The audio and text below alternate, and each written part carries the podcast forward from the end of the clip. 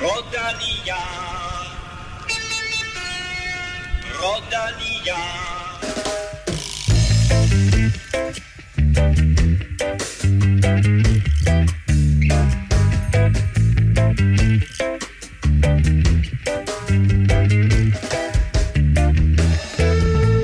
Årets sidste World Tour løb er kørt færdig, og dermed kan vi gøre status over landevejssæsonen 2023, og dermed velkommen til begge mine eksperter nu i studiet samtidig. Kim Plesner og Stefan Djurhus. Tak. Og Kim, mm. jeg tror faktisk, det, er, det bliver sidste gang i år. Måske, at jeg siger det her. Men uh, ikke en Velropa-podcast uden en dansk sejr. Nej. Og det er lidt nogle, øh, nogle krav, du stiller til mig efterhånden. Sidste uge var svær. Er der opfandt Der, der, der, der skulle vi annektere Norge. Der er annekteret ved Norge. Øhm, den her gang er vi ikke ude i helt det samme, men vi er ude i, at øh, Frederik Vandal, han jo vandt øh, bjergtrøjen i Tour of Guangxi. Så det er vel en sejr. En Det er en sejr. sejr. En sejr, en sejr. Du sagde vandt, så Ja, det... Han vandt bjergtrøjen. Øh, og, og vinder den jo med, med hele 73 point, og andenpladsen havde 29, så det er en komfortabel sejr endda. Sådan. Så, øh, så det, det, synes jeg godt, vi kan bogføre. Og øh, Frederik Vandal. Og alle de andre danske mm. øh, World Tour rytter kommer vi tilbage til øh, lidt senere i udsendelsen. Men øh, først og fremmest, Stefan, velkommen tilbage til dig. Tak. Øh, Giro Rute 2024 er blevet offentliggjort, og så læser jeg mig sådan lidt frem til, at der er rygter om, at Pogacar, han vil forsøge at lave en Giro Tour dobbelt. Ja, jeg tror, øh, det har været samtaleemnet, øh, og det er jo også øh, Mauro Venji, Giroens løbsdirektør, der har skruet charmen på og, og sagt, at Hvor mange euro indgår der i charme? ja, jeg, jeg tror også, at de rigtig gerne kunne tænke sig at, at lokke Pogacar til, til Tour de France. af Giroen. Nej, undskyld, ja, til, til Giroen. Øhm, det er jo sådan, at han har sagt, at øh, kun de bedste kan øh, hvad hedder det, køre Giro Tour Dublin. Og, øh, og der tror jeg også, at der, øh, der, der er i hvert fald lidt rygter om, at øh, de, de charmer sig lidt øh, ind på, på Pogacar. Øhm, de har lagt en rute, der er lidt kortere og lidt færre højdemeter end, øh, end normalt, så også en lidt en nemmere rute, kan man sige. Øhm, ja, så, så det, det, det er det helt store samtaleemne. Øhm, Giro-ruten blev offentliggjort sidste uge, øh, Tour de France er næste uge, og, øh, og de har så selv sagt, Mauro Gianetti fra, øh, fra UE har så sagt, at de venter lige, øh, indtil de ser øh, Tour de France-ruten med at, med at tage en beslutning. Jeg troede, det var fordi, at de skulle lave den lidt lettere Giro, så, så Jonas nemmere kunne vinde øh, Giro Tour Vuelta triplen. Ja, det, det er også muligt. Jeg tror, at... øh, Og OL selvfølgelig. Og Ja, ja, ja. Uh, vi taler faktisk meget mere Giro-rute, og også lidt turrute øh, sidst i udsendelsen. Men ellers så er det her en udsendelse, der primært handler om at give de danske World Tour-ryttere karakterer, så meget mere om det lidt senere. Men først en kæmpe tak til alle jer, der lytter med, og en gigantisk tak til alle 10 støtter i årsagen til, at vi kan blive ved med at udkomme, og vi er super stolte af, at så mange af jer har lyst til at øh, støtte og donere hver uge. Tak til alle, der har været med i lang tid, og velkommen til tre nye, Allan, Simon og Lars. Søn. Hvad var? Allan Simonsen. Ja, Det er lige ved, det er lige ved det, Allan Simonsen. Allan, Simon og Lars. I dag der trækker vi lod øh, blandt alle vores 10 støtter om en kop naturligvis, og husk så også, at vi har den her øh, super fede ekstra præmie på højkant resten af sæsonen, som er doneret af Mathias Skelmose. Husk også at besøge vores shop, Stefan, hvor vi stadigvæk er All in på kus. Vi er all in på kus, og det er, som jeg også tror, jeg nævnte i sidste uge, en næstbestseller. Mm. Den er ikke helt oppe på bestsellerniveau, men den sælger. Og der er rigtig, rigtig mange af jer derude, som har købt en all in på kus øh, t-shirts, så jeg glæder mig til at, at se den i det danske landskab. Og lige, øh, det, er sådan, det er lidt, når man, øh, når man møder sådan nogen, du ved, man lige kender, du ved, så giver man lige sådan en nik. Ja, Det er ligesom med motorcyklerne med Ja, der præcis. ikke? hilsen ja, eller cykler, cykler for en sags skyld. Ja. Så nikker man lige, når man ser noget ude på landevejen. Det, er- det er det samme som all in på kus. Så giver man sådan en nik. Så anerkendende. Du finder shoppen og muligheden for at købe all in på kus på velropa.dk. Mit navn er Claus Elming. Vi er bragt til dig i samarbejde med HelloFresh, der i dag kommer med et ekstra godt tilbud til dig. Og du lytter naturligvis til Velropa Podcast. Inden vi kunne give de danske World Tour rytter karakterer for sæsonen, så skulle vi lige have afsluttet øh, World Touren. For når rytterne har kørt de sidste kilometer på de europæiske landeveje, så ryger de lidt, lige øh, sådan et smut til Asien. Mm. Øh, til stor glæde for alle. øh, øh, og øh, årets sidste World Tour løb, øh, Tour of Guangxi, sluttede tirsdag i den kinesiske by Guilin Og øh, big surprise, vi fik endnu en Jumbo Visma sejr. Det gjorde vi nemlig, øh, både sammenlagt, men, øh, men også på, på sidste etape. Øhm, det var Milan Darth Vader, eller Milan Vader fra, øh, fra Jumbo Visma. Jeg tror, han, hedder, han var næsten Farter. farter, hvis ja, han er det, fra Holland. Det er, for, det er hollandsk. Men Milan indikerer jo lidt, at han er østeuropæer. Milan Farter. Hvad skal vi kalde ham? Det er faktisk lidt sjovt i forhold til Darth Vader. Vader. Han er Vi your ham- father, ikke? Eller Ja, det er faktisk rigtigt. Hvad skal vi Milan? Milan Farter. Ej, det lyder simpelthen for mærkeligt. Men han vandt i hvert fald... Vader. Øh, han, Vader, vi kalder ham Vader. Milan Vader, han vandt øh, fjerde etape, øh, som sluttede opad, hvor han, øh, hvor han faktisk kørte fra, fra alle de andre ved, at, ved et øh, meget pænt angreb øh, til sidst. Øh, fjerde etape vandt han, og det var den eneste etape, som ikke sluttede i en spurt, så, øh, så der øh, sikrede han sig altså nok øh, til, at, til at vinde sammenlagt. Udover det, så så vi øh, etappesejr til Elia Viviani, der vandt første etape, Jonathan Milan, der vandt øh, anden etape, og som jo er på vej til øh, danskerne i, øh, inde på Little Trek-holdet. Øh, Sebastian Molano vandt en, og så selvfølgelig Olav Køj, han vandt øh, hele to etapper. Og øh, ja, Men man kan sige, de hurtigste rytter, der de fordelte lidt råd imellem sig. Der må var- man sige. Der var, der var lidt, lidt til alle. Og Kim, så nævnte du jo lige øh, i starten der, at vi også havde et par gode danske resultater undervejs. Ja, Frederik Vandal i, i bjergetrøjen, og så synes jeg, øh, Tobias Lund fortsætter lidt med at, at imponere med, med, på, med, med sprinterbenene der, at han bliver, han bliver 3 og 4 undervejs på to af etaperne i, i det her stærke selskab, som, som Stefan jo lige har siddet og nævnt, og faktisk også øh, Arnaud Delis var også med over. Mm. Så det er, det er et ret godt selskab at, at, køre de placeringer hjem i, synes jeg, og, og understreger lidt det her med, ja, hvor vi jo var lidt i starten, sådan lidt, er han så det der sprint, altså skal han sprinte med i det der, eller skal han være en mere all-round, men øh, han har fået smag for det, og øh, når han kan lave sådan nogle resultater der, så er der nok ikke så langt til, til gennembrud, tænker jeg. jeg synes også, at vi sådan for alvor i år har fundet ud af, hvem han er som ryttertype. Mm. Altså, øh, det er en, en sprintstærk, øh, en sprintstærk øh, lille gut, som, som måske også kan, kan lide de lidt mere sådan, hårde eller tekniske afslutninger. Og mens vi lige øh, er på de der øh, asiatiske kanter, så kan vi da lige runde et pro-løbet øh, Japan Cup, hvor blandt andet øh, Michael Valgren var med. Ja, han øh, træner jo op mod at skal vinde øh, OL næste år, som vi har Som, forudsagt. som her. du har forudsagt. Ja, så der øh, synes jeg, at en 9. plads her, det passer meget godt på den formkurve.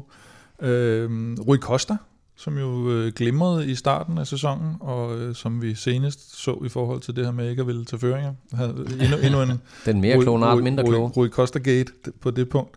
Øh, jamen han vinder simpelthen, øh, og så ham her, Paris-turhelten, som vi talte om senest, øh, Riley Sheehan, øh, som ingen kendte, der gik Mm. ind og vandt Paris-tur. Han bliver sekser, så han, øh, han har ramt formen sent på sæsonen, må man sige.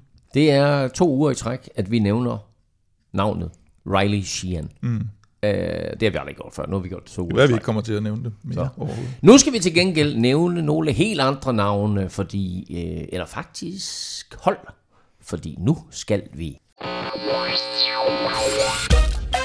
quizze. Og øh, selv en absentia, Stefan, der lykkedes det øh, der at, at forblive i spidsen. Jeg gav Kim alle muligheder for ud i de sidste uge. Ja, det vi jo talte om bagefter, og som ikke rigtigt, og som jeg egentlig opdagede lidt for sent, fordi jeg lukkede, jeg, og jeg røg direkte i fælden jo. Fordi jeg tænker, fedt at han giver mig alle de her chancer. Han giver mig jo kun alle de her chancer, fordi han ved, at, at det er, jeg er slet ikke på sporet af noget af det rigtige. Så det er jo gratis, at han simpelthen bare ved, du får ikke, jeg, Stefan bliver ikke sur på mig, fordi jeg ved, at han kommer ikke til Jeg at havde svare. også haft en, Og jeg hænger ham bare jeg fuldstændig havde til haft en monster sur Stefan i rør, hvis du havde gættet det på fjerde Så lige pludselig kunne han bare komme Dermed så står det fortsat 24 til dig, Kim, og så 25 til både ja. Stefan og Mathias Skelmose. Så Skelmo skal faktisk nå at få en, øh, en del førsteplads, Det hvis kan vi, hvis altså vi hvis, hvis, svage. hvis I bummer den her øh, i de sidste udsendelser, så kan, I, så kan han godt nå at, at få en del førsteplads.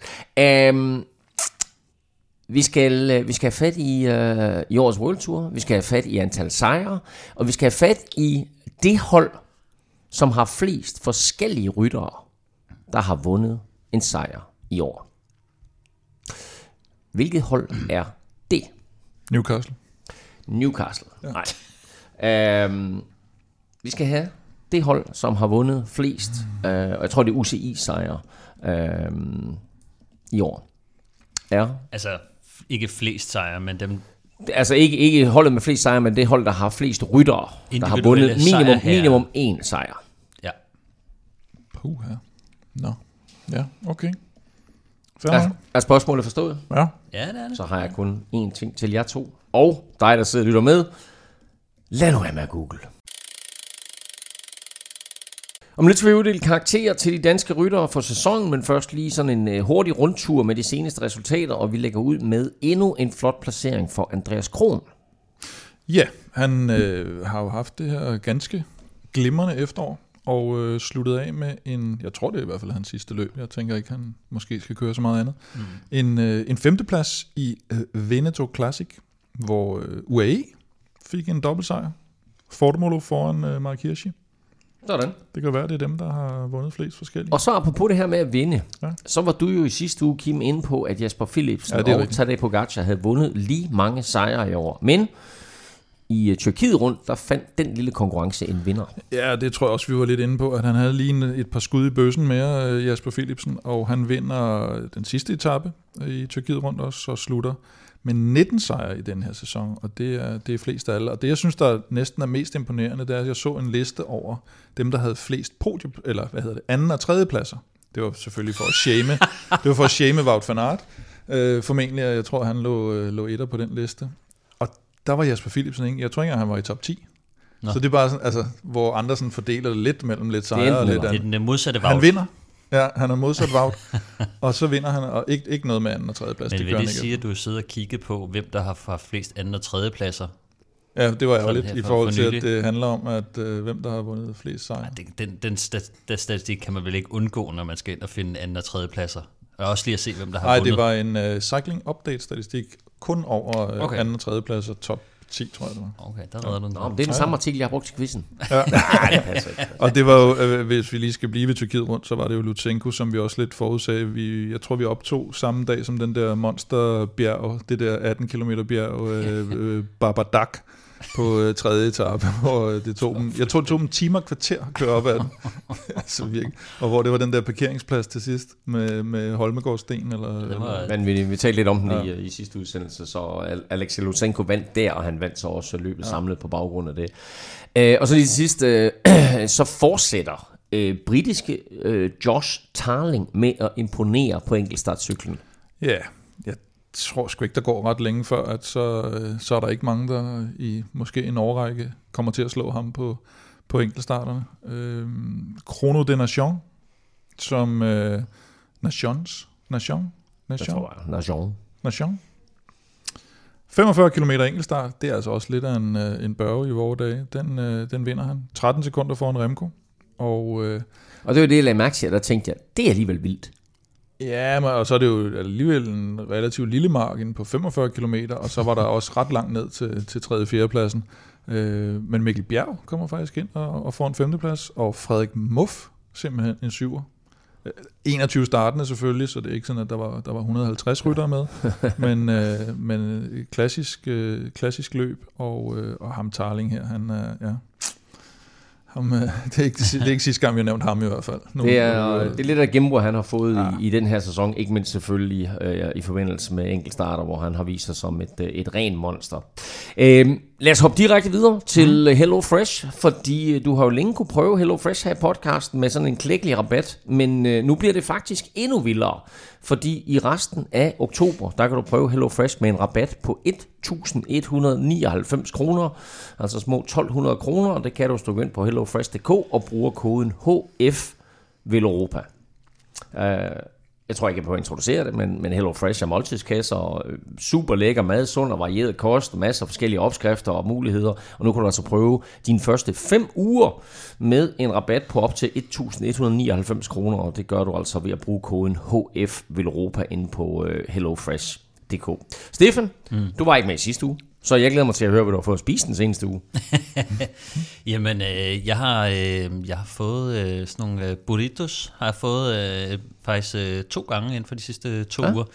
Den, øh, den kan jeg virkelig godt lide, og det er, sådan lidt, det er jo plantebaseret kød deri, så øh, det, det, det, det er jeg egentlig blevet meget godt øh, fan af. Jeg har mange øh, kødfri dage, men, øh, men grund til, at jeg øh, elsker Hello Fresh og, og stadig fortsætter med det, det er, at øh, jeg synes simpelthen, det er så rart at have øh, aftensmad altid. Mm. Altså øh, i køleskabet, så er der en pose, og øh, ja, altså det passer bare så godt til mig, at, øh, at man kan lave, øh, altså man, ja, det, jeg skal ikke ned og handle ind hele tiden og sådan noget, og det, jeg, jeg sparer bare rigtig meget tid, og det føles bare godt, når man kan køre hjem fra arbejde, og man ikke skal ind og, og slæve øh, noget hjem og tænke over, hvad man skal have, så øh, der er altid øh, noget mad i køleskabet. Jeg var i London i weekenden, og havde lige en, øh, havde gemt en pose fra i sidste uge, og havde den liggende i køleskabet, så den lå til mig, da jeg kom hjem, og så 20 minutter senere, så er der mad, og det er altså bare genialt. Og Kim, øh, mm. Altså en anden ting, som øh, jeg sætter pris på i hvert fald, det er også sådan, altså overskueligheden omkring priser. Ja, både omkring priser, det er jo, det er jo dejligt nok, at man ligesom ved, hvad man, man taler for, for tingene, men også det her med, at der er lige præcis det, man skal bruge, og det med madspil, jeg stod og lavede øh, bi- bibimbap, hedder den det? Ja, jeg tror, det den der, noget spicy, det var fandme, det var fandme god. Det er lidt ja. malaysisk Øh, inspireret. Noget, øh, noget oksekød og noget, noget ris og noget, noget lidt spice og lidt grøntsager.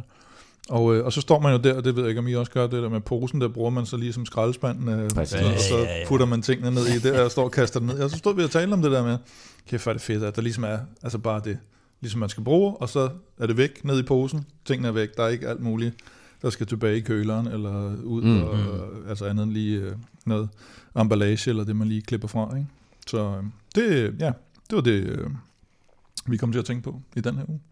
Og øh, hvis du har lyst til at prøve Hello Fresh, så er det altså super, super simpelt, og øh, jeg vil anbefale det til alle. Øh, man kan jo prøve det, og så se, om det er noget for en, og er det ikke noget for dig, jamen hey, så har du prøvet det, og så har du prøvet det med en meget, meget stor rabat. Du får altså op til 1.199 kroner i rabat på dine første fem måltidskasser, samt i øvrigt fri fragt på den første kasse, og du kan også godt få rabatten, øh, hvis det er mindst 12 måneder siden, du sidst har prøvet Hello Fresh. Du kan godt finde det her tilbud andre steder, men bruger du koden HF Velropa, så støtter du altså podcasten her, og viser også lige øh, Hello HelloFresh, at du lytter med her, og at du har hørt om tilbuddet her i Velropa podcast. Så hop ind på øh, hellofresh.dk og øh, brug koden HF Velropa, og så må du altså meget, meget gerne dele koden også med øh, venner og bekendte, så vi kan komme ud til øh, så mange som muligt. Nå, nu skal vi til det. Øh, vi skal give karakterer til alle World Tour danskere for 2023, og der er jo Altså, der er forskel på at være en hjælperytter og mm. yde den type arbejde, det nu kræver, og så være en Jonas Vingegaard eller en Mads P. og, og vinde nogle meget, meget store løb. Hvad giver I rytterne karakterer for? Ja, men altså, det er jo selvfølgelig deres performance øh, resultatmæssigt, der, der spiller mest ind. Så kan man sige, at der er nogle rytter som Mørkøv, Chris Juhl og sådan noget, som har de der meget bundne roller. Øh, og det, det er klart, at der kigger man jo også på det Mørkøv omkring lead og Chris Juhl omkring nogle andre ting. Øh, men, men øh, og så er der også, men måske har vi ikke gjort så meget det den her gang. Det, det finder vi lige ud af. Men, men det her med, også i forhold til forventningerne til rytteren inden, mm. det vil sige, Mads P. kunne godt øh, have kørt en, en, en aldeles udmærket sæson, men så, mm. altså lad os sige, at han havde vundet to sejre eller sådan noget, så var han måske helt nede på en 5-6'er eller sådan noget, ikke? fordi at forventningerne til ham var jo, at han måske ville vinde 5-10 sejre. Mm. Og, og, og øh, nu tænker jeg karakterer, men det er jo ikke sådan en rigtig karakter Nej, i men det. der, nej, fordi jeg synes, øh, det, det er nok, den er nok på min kappe, at vi giver 1-10. Okay. Fordi jeg synes, det er sådan lidt det der med det gamle system og det nye system, og så sidder der nogen, der ikke kan finde ud af det ene system. Stefan, Stefan er på 12-skalaen, du er på 13-skalaen. Ja, ja, jeg, præcis, jeg bruger? UG og sådan noget. Altid lige en, altid lige en bedre, ikke? Nå. Nå. Godt, så vi bruger simpelthen 1-10. Ja, Godt. det kan alle forstå. Jamen så lad os hoppe ud i det. Der, mm. var, øh, der var i alt 18 World Tour rytter, danske World Tour rytter i år, og vi tager dem i alfabetisk rækkefølge. Mm. Øh, på den måde, at vi gør det i alfabetisk rækkefølge for de hold, de kører for. Så altså ja. først Alpecin de König, og dermed Søren Krav Andersen. Mm. Ja, øhm, lad os starte der. Øhm, Okay. Søren Krav. Så starter vi, så tager vi den så, tager vi først. Jeg også, jeg jeg kom i tanke om, at øh, hvis han skulle læses op i, i, i folkeskoleklassen, så starter man jo også den af Andersen, ikke? Så måske vil han Hvis også det, være er, nummer et. det er på øh, efternavn, ja. På efternavn Ja, også, ja. ja. Men, øh, men Søren Krav, han har jo haft en, øh, en, en jeg synes en, en blandet sæson, men når man, når man alligevel lige kigger på den og tænker på, at han har været øh, Øh, han var låst i, i foråret af, af Mathieu van der Poel selvfølgelig, som, øh, som han jo også havde en, en bunden rolle af, og vi så jo i, i Milano Sanremo, hvordan han lavede det her lead-out øh, for, for Mathieu van der Poel, der endte med at køre fra, fra alt og alle, og Søren Krav, han blev stadig nummer 5 i, i Milano Sanremo, så det, øh, jeg synes, han havde et godt forår, selvom han var låst i, i, i nogle, øh, nogle af de, de store løb. Øh, Han tager jo han tager jo også karrierens største sejr i, i Esbjørn Frankfurt. Øhm, Ja, det, der sidder Kim og kigger på mig lidt. Ej, jeg, skeptisk. jeg, jeg, tænker, jeg tænker tur, to, Jeg Tour tænker, de to France det er også okay. Det er, det, er det, jo, det er det jo også. Jeg vil også sige, at en Tour de France er nok, nok større end Esbjerg Frankfurt, men, øh, men den, det, det, det, det, det, kan man sige, der er flest UCI-point og flere præmiepenge, øh, så på en eller anden måde, så, så, skal, så skal den derop af. Jeg vil, jeg vil også placere den lige under øh, en Tour de France-sejr, og, og så kan man sige, det, det er Tour de France, man 2-2, men, øh, men hvis man tager isoleret set og kigger på, Nej, det ved jeg sgu ikke. men, men det er i hvert fald, jeg vil sige, okay, så karrierens tredje største resultat. det, er, det er i top 3, lad os sige det på den måde. Det er en af de Nå, bedre, vi skal have en karakter. et af de bedre resultater. Ja, altså, nå, men jeg synes, at øh, ja. han, han gør det fint, og han slutter faktisk også sæsonen fint af med, med at køre stærkt øh, nede i, i, øh, i, i Luxembourg rundt, og øh, bliver også nummer tre i, i Binche, som, øh, som også er et forholdsvis stort løb. Jeg, jeg synes, at øh, han, han har en rigtig øh, god sæson. Øh, det er Esbjørn Frankfurt sejren, der, der gør meget for mig. Jeg, jeg giver ham en, jeg lander på en 8. Ja. 8 ud af 10.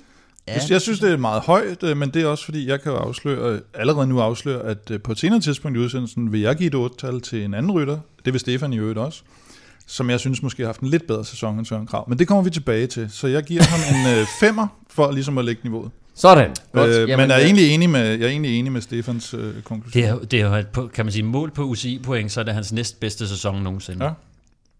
Sådan. Så Så det- Jamen, allerede, allerede stor uenighed Ja, her, og vi det er hopper, vi hopper direkte til øh, Bahrain Victorious, og vores ja. eneste dansker der, der hedder Johan Price Pejdersen.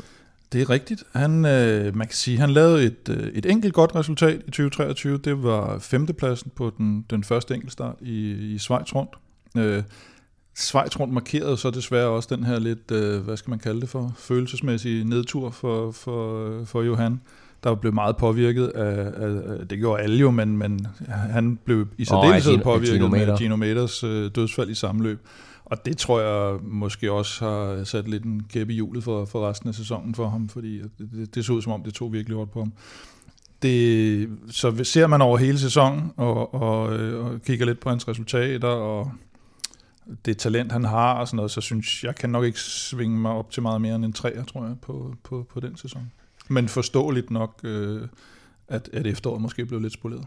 Stefan? Eller anden halvdel.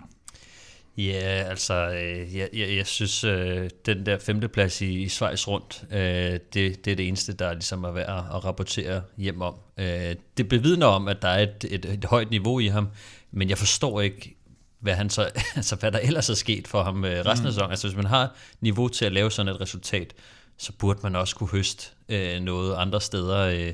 Så jeg, jeg synes, det er en stor skuffelse, bortset fra det ene resultat, som dog bevidner om, at, øh, at, at niveauet stadig er der et eller andet sted. Øh, jeg giver ham en, en, en toer. Øj, okay. Sådan der. Jamen, altså, Ja, ja. der er stor uenighed her. Ah, 3 og 2, det synes jeg egentlig ikke Jeg synes, der er kæmpe forskel. altså, det, du giver 50% mere, øh, Kim. Ja, det er selvfølgelig rigtigt. Ja. Men ud af Ja. 10 er det jo ikke 50 Nej, procent. Det er korrekt. Nå, øh, vi skal til en mand, som vi faktisk allerede har talt om en gang i dag, mm. og der lige har fået forlænget sin kontrakt med Bor Hans Grohe, nemlig Frederik Vandal.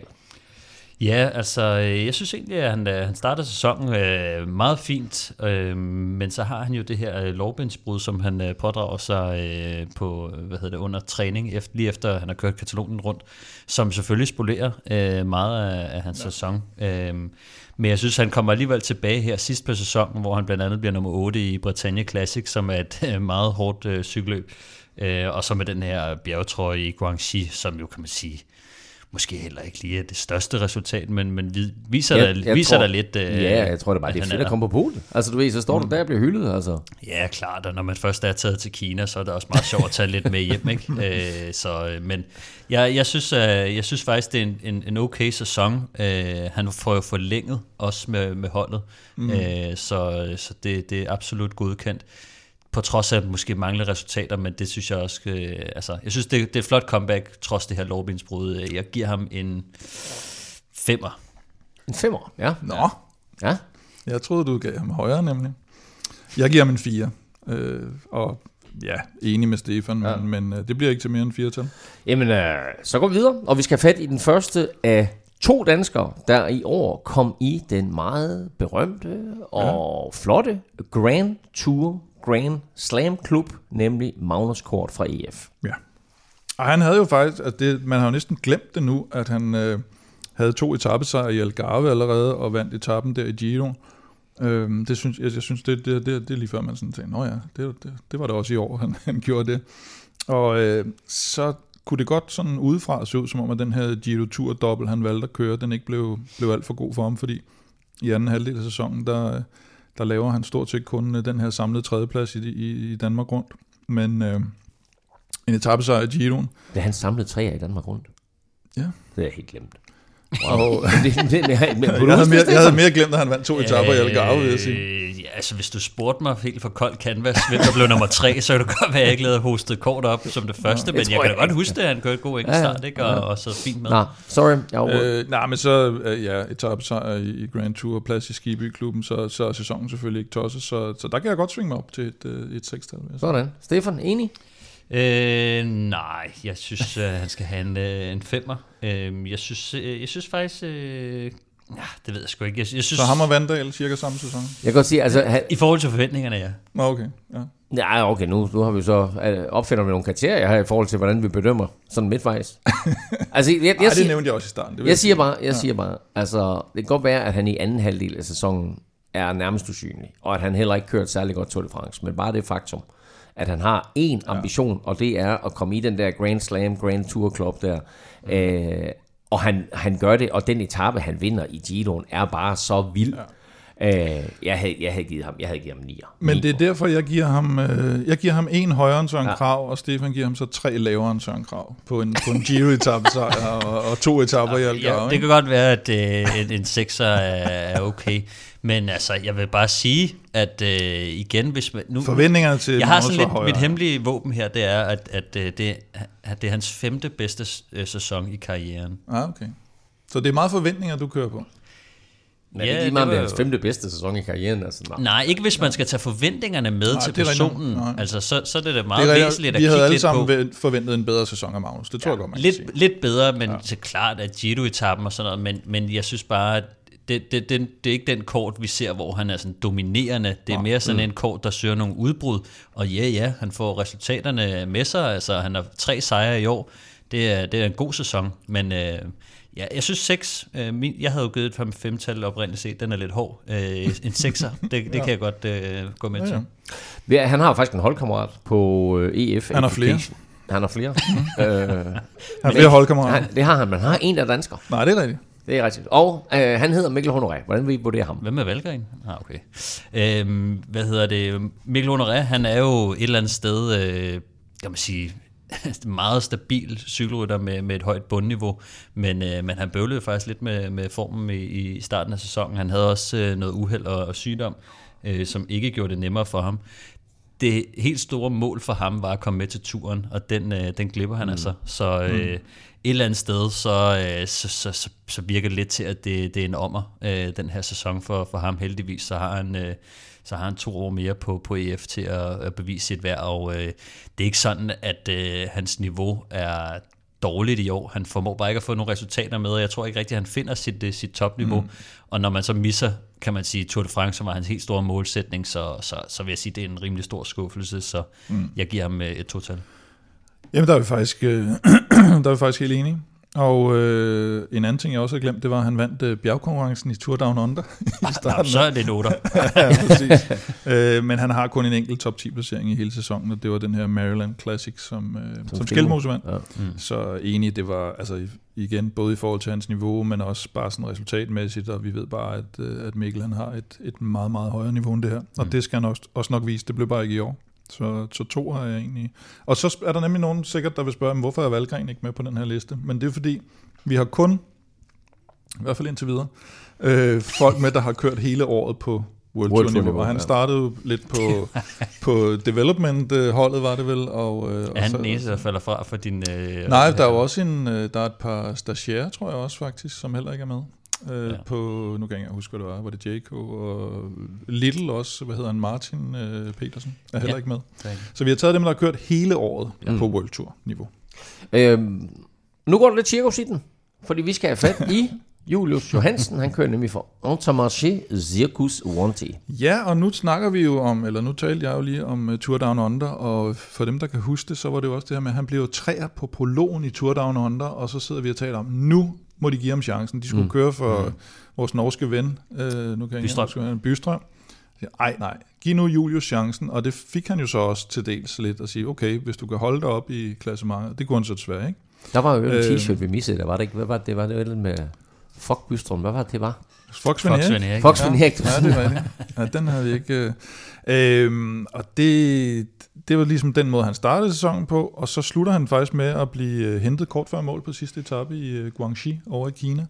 Og indimellem der, der laver han øh, faktisk kun to top 10 placeringer. Det er en 9. plads ved DM i enkeltstart, og en 9. plads i det navnkundige din, din bilpartnerløbet i vejen. Og det, Ja, det er et stort løb. Nej, og han har ikke rigtig, han har ikke rigtig fundet noget hold for, for 2024, og det er spørgsmålet om, om han er en af de her, vi har jo set nogle stykker af de her, der er kommet lidt ud, og så er de ligesom taget et skridt ned og kommet hjem til noget Uno X, eller noget, øh, måske endda helt hjem på, på noget Conti-scene og sådan noget, men ja, man kunne godt frygte lidt måske for Julius, at, øh, at han ikke får lov at få Kørte jo, han var med i Vueltaen, og, Ja, ja, og viste sig jo frem ved flere lejligheder der, øh, uden at det er sådan Jo, men han er jo også, altså man skal også huske lidt, hvor han kommer fra, og var det her kæmpe talent, og vinder VM op i Norge, var det vel, og, og smadrer al modstand, og nu han bliver det næste Altså i store sådan noget. uge. junior. Øh, Junior, ja. ja. ja. Mm. Øh, og, og, og det har vi jo også set mange gange, det der med, at nogen, der har svært ved at indfri de forventninger fra, fra, fra tidlige tider, så så der er måske også nogen, der har købt ham lidt med, med, med et, øh, at de har set noget udviklingspotentiale der, og tænkt, hvis bare han lige får de rigtige rammer der, så skal han nok blive en kæmpe kanon, ikke? Og så er der måske nogen, der tænker sådan lidt, nej, lad os nu lige se. Så det, det bliver lidt interessant at se, hvad, hvad vej pilen peger efter den her sæson. Giver du ham en Nå, jeg karakter giver ham også en karakter på et tidspunkt. Jeg giver ham en træer alligevel, kan jeg se. Ja, ja. Sådan, Stefan? Ja, jeg, jeg giver ham en, en toer. Øh, jeg, jeg synes, øh, han kører, han, han rammer nogle udbrud og, og forsøger lidt af, men, men der er ikke rigtig noget af det, der lykkes. Der er selvfølgelig den her, øh, hvad hedder det, tredjeplads i prologen i, i Down Under, som egentlig er et, et, et rimelig pænt resultat, mm. men, men når det ikke rigtig bliver fuldt op, og, ja. og det er så tidligt på sæsonen, han kom jo ind til sæsonen med sådan en, han havde haft en rigtig god offseason, og det så vi jo så i Down Under, og, og så fik det sådan lidt, lidt ud, ikke? Og, øh, Der mangler lidt noget bund. Ja, det har på en været, eller anden måde, ikke? det virker til, at det har været et svær øh, sæson på, for ham. Øh, så ja, ja, jeg ved ikke, måske Kim har ret i en, en træer, øh, faktisk. Vi siger to, vi siger to og en halv. Ja, to det og en halv. to og en halv. Ja. Vi kører det her i holdrækkefølge, og Ja. derfor er vi allerede nået til JV, som jo i den her sammenhæng står for Jumbo Visma, og mm. ikke mindst Jonas Vingegaard. Han har jo en øh, god sæson. Ja, når man lige kigger ned over det, så Det er det sådan helt øh, Pogacar, Roglic, Roglic-esk øh, med, øh, med sejr i, i Gran Camino øh, som det første på sæsonen. Han hvor han smadrede al modstand. Ja, fuldstændig. Um, han blev treer i Paris-Nice, som måske var det eneste tidspunkt, han, han misser lidt. Der var jo så det her personlige, uh, et eller andet personlige årsag, der gjorde, at han måske ikke var på, på topniveau. Um, så kom han tilbage, vandt Baskerlandet rundt, han vandt Dauphiné, han vandt turen.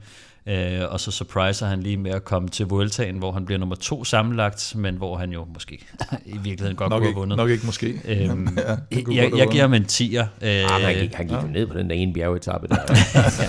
jeg, jeg giver ham en 10'er på, på baggrund af, at han, han får alt, hvad han kommer efter, øh, stort set. Altså, så, Ja, hvis man skal trække ned for noget, så skal det være Paris, en tredjeplads samlet i Paris-Nice. Det er også det er voldsomt at skulle trække en, en altså en om han så havde kørt et løb hele året, og han havde vundet Tour de France, så havde jeg givet ham 10'er. Ja, Ja, men det- du er også large, jo, Ja, ja. når det er danskere. Men vi giver ham begge to en 10'er. Kan du Alle være tre, glad for? alle tre faktisk. Alle tre giver. 10'er. Så 10 snit. Ja. Uh, Little Trek er jo sådan efterhånden blevet et stort danskerhold, og øh, vi lægger ud med Asbjørn Hellemose.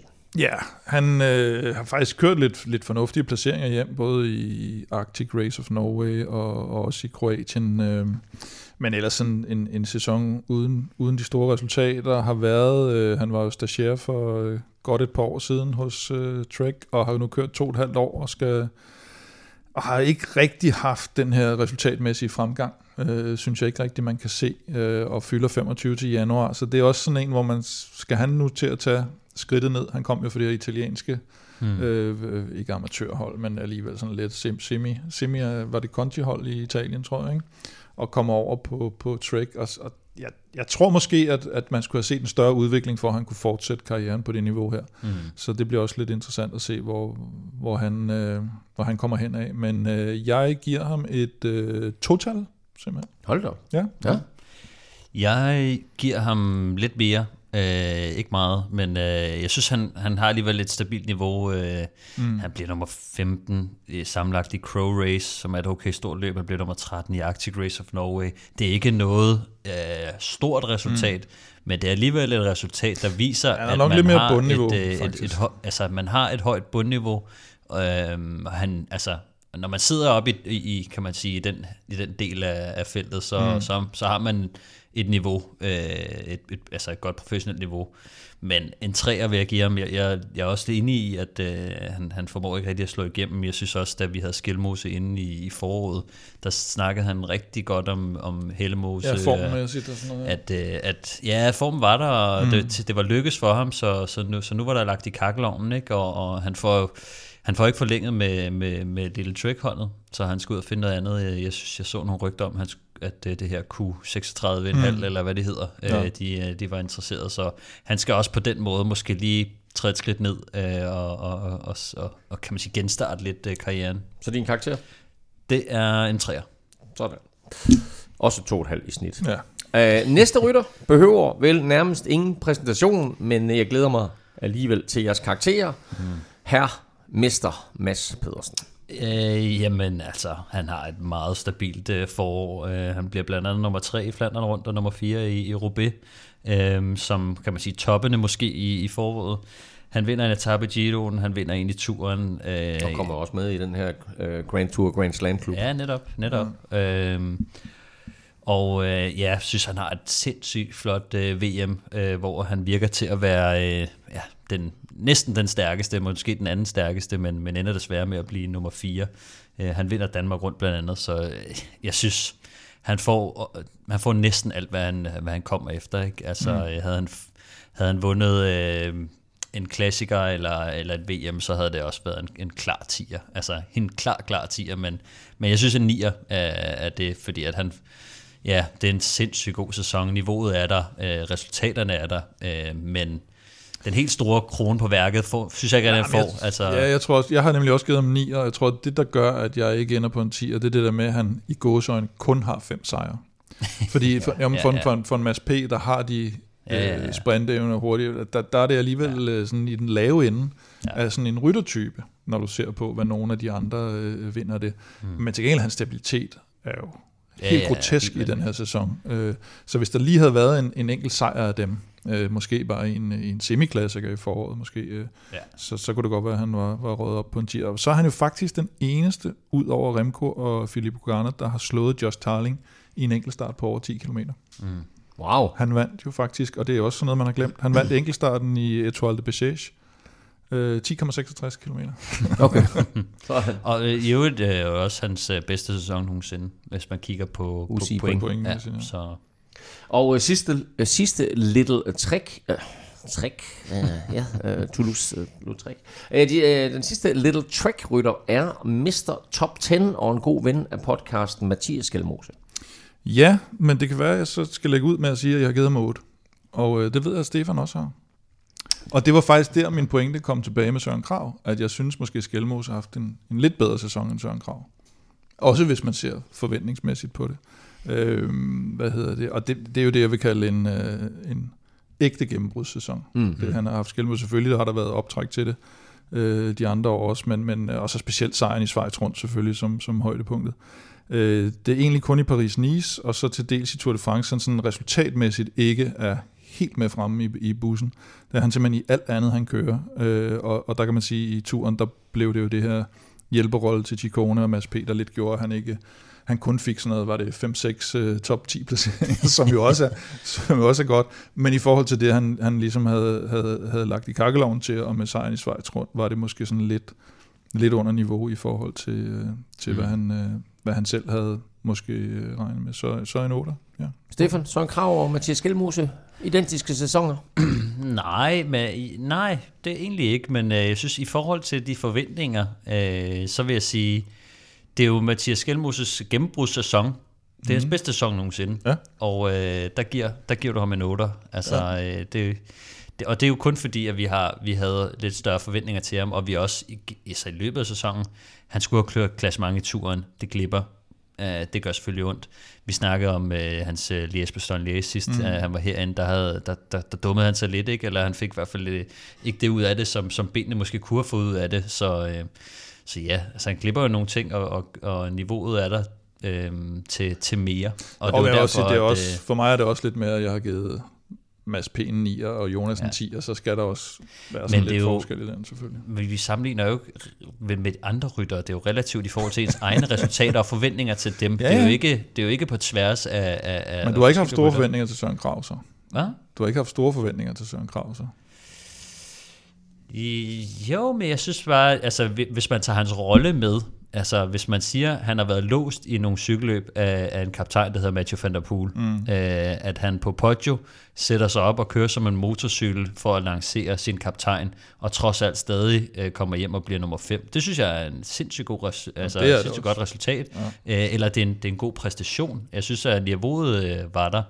Øh, det, det dalede faktisk lidt, og så vinder han den der i, i Eschborn Frankfurt. Er det fordi, at vi ikke vil give dig, at han er verdens bedste nedkører? Er det det, er det der sidder nære? Er det der, den kommer? Nej, jeg ved ikke. Altså, ja, jeg står sgu ved den, øh, jeg står sgu ved den 8. Altså, jeg vil, jeg vil igen sige, at... Uh, vi, skal, vi, skal, vi skal ikke dvæle mere ved det. Det er fint. Uh, der var 8 fra jer begge to til Mathias Skelmose. Vi skal til en anden Mathias, nemlig Nordsgaard for Movistar. Jeg vil sige, jeg synes faktisk, det, det, det, det, det, det er en svær sæson for, for Mathias Norsgaard. Øh, han, øh, han, kommer, han kommer igennem, vil jeg sige. Altså, han, han kommer jo til start i nogle af de cykelløb, han gerne vil. Han vinder øh, et af verdens største cykelløb. det gør han. Øh, Grand Prix Herning. Grand Prix Herning. Øh, den, øh, den, den vinder han, og øh, det var en flot sejr, vil jeg sige. Ja. Ikke? Og den, øh, det, altså, det er jo, kan man sige, per, på kategori jo et større cykelløb. Nu er det blevet usigt løb, ikke? Og, og det er på dansk tv, så, øh, så, så det, er da, det er da okay. Men, øh, men udover det, så resultatmæssigt var der jo ikke nogen, øh, nogen, nogen store... Øh, ja, Nej, jeg men, synes også, det er lidt det der med fremgang. Ikke? Altså man skal kunne se en fremgang på en eller anden måde. Ja. det, det savner jeg måske også lidt her. Altså lidt ligesom ja, med, altså enkeltstarten har han lagt... Øh, den, den, den Altså nu ja, har han, han altså, vandt jo... Øh, vandt han det sidste år, sidste år, ikke? og så vinder han ikke i år, jo, så det er jo heller ikke sådan en, Nej. en fremgang på den måde. Det er også svært at få en fremgang i forhold til, hvis man vandt sidste år. Og så, og så det må måske også lidt det der med, at, at han jo var igennem et, et, et meget voldsomt uheld for, mm. for, for fire år siden, og jeg har lige fulgt med på de sociale medier øh, mm. og set, at, at han har fået fjernet, Stefan, en, øh, en, en uh, titaniumskinne i benet. Ja, netop. Jeg vidste slet ikke, øh, at han havde, han havde sådan, sådan skinne i, ikke? Men, mm. men han har, den har generet ham, hvad hedder det, primært, når han, har, når han har gået rundt, skriver han, ikke? Så, mm. så, så det, det må være godt for ham at, at få fjernet den skinne, selvom det jo ikke er en skinne, der, der vejer 4 kilo. Mm. Så jeg ved ikke, hvad det kommer til at betyde for hans præstation præstationer fremadrettet, men det kan da kun blive lidt, lidt, lidt smule bedre. Jo, men det vi også, eller det jeg sådan måske også savner, det er det der med, at så kommer han med i nogle, nogle gode udbrud og, og har vist sig sådan ja. ret holdbar, ikke? men man savner så, at det, at det også skaber et resultat. Mm. Det er måske mm. det, det, det, vi går og venter lidt ja. på måske i, det der. Så, så jamen, øh, jeg giver ham, hvad giver du ham? Du skal sige jeg først. giver ham en, øh, en toer. Jamen det gør jeg også. Ja. Så gør, og, og, og, så gør jeg også. han får forlænget med Movistar, ja, som jo er en rigtig, rigtig flot ting. Det er måske, det er måske årets øh, største resultat, ja, kan man det sige. Tror jeg faktisk også. Øhm, så de tror i hvert fald på ham, og, og betyder jo også, at han har altså at, at der har været et, et niveau, og han, mm. har, han har prøvet på nogle ting, men resultatmæssigt får han bare ikke øh, nok ud af det. Og han bliver jo så også den eneste Matteo Jorgensen på holdet til næste år. De har haft to. Den anden, han, øh, ja. han smutter, men Mathias er altså, er altså blevet forlænget. Øh, videre til en af de helt store danske navne på den internationale scene, som øh, jeg glæder mig til at høre jeres vurdering af, nemlig Kasper Askren fra Sudal.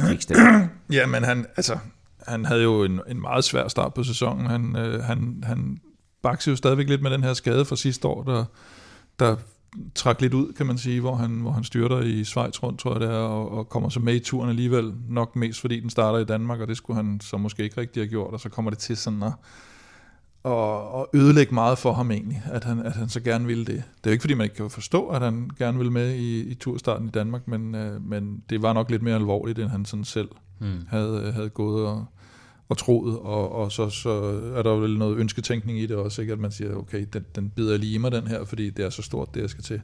Og så kommer det faktisk til at ødelægge ret meget. Øhm, han vandt jo faktisk bjergtrøjen i Algarve rundt. Det er også, det er også en, jeg har glemt, også fordi det er sådan rimelig mærkeligt, at, øh, at Askren gør det. det og så blev han, øh, og så bliver han syver i Flandern, egentlig i et forår, som er, som er ret dårligt.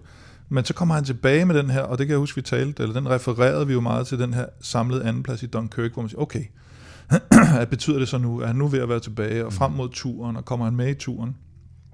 Og det gjorde han jo så heldigvis, efter at have vundet øh, også øh, DM enkeltstart, og så vinder han jo den her etape i turen, mm. og han er jo sindssygt tæt på at vinde to i træk Mm. øh, efter hinanden, og, og hvad hedder han... Øh, Øh, Mohoric, var det ikke ham, der var, Jo. der Jo. var ved at græde over, at han var så ked af, at han havde frataget øh, Askren sejren, og øh, øh, det, det, det gør jo, at vinder helt, helt op og ned på, han, på hans sæson. Vinder så også en etape i, i Slovakiet rundt, hvor han kører top 10 samlet. Øh, så på en måde er sæsonen som helhed jo under den gamle Askren-niveau. Altså Flandern rundt vinderen, og, og, og hvad ved jeg. Mm. Øh, men, men absolut godkendt sæson, og, og virkelig sådan en rebound-sæson, så en, øh, en syver vil jeg godt give ham. Okay. Ja. Det synes jeg også lyder fair. Altså, jeg synes, øh, hvis man kigger på Asgrens sæson, så, så kom han jo lidt fra baghjul, kan man sige, oven på en, mm. en hård sæson øh, sidste år. Jeg synes, hans forår, hvis jeg ved ikke, I kan sikkert huske det, når jeg siger det, at øh, de brugte ham, at, altså de burde have gjort ham til, til kaptajn ja. i nogle af de der cykelløb i foråret, hvor de troede på Fabio Jakobsen eller eller Yves Lampard, hvor at man kunne se, at Askren var bedre, men nu var han blevet spildt på at, at sidde og være frontsvin øh, mm. og, og, og, hvad hedder det, og, ja, og hente nogle grupper, som, hvor han måske mere bare selv skulle, skulle have gået efter det. Og så alligevel, så synes jeg øh, i turen og, og, og på andre, altså i hvert fald i turen, synes jeg, han får mere ud af det, end, end hvad niveauet egentlig Ja. virker til at være til.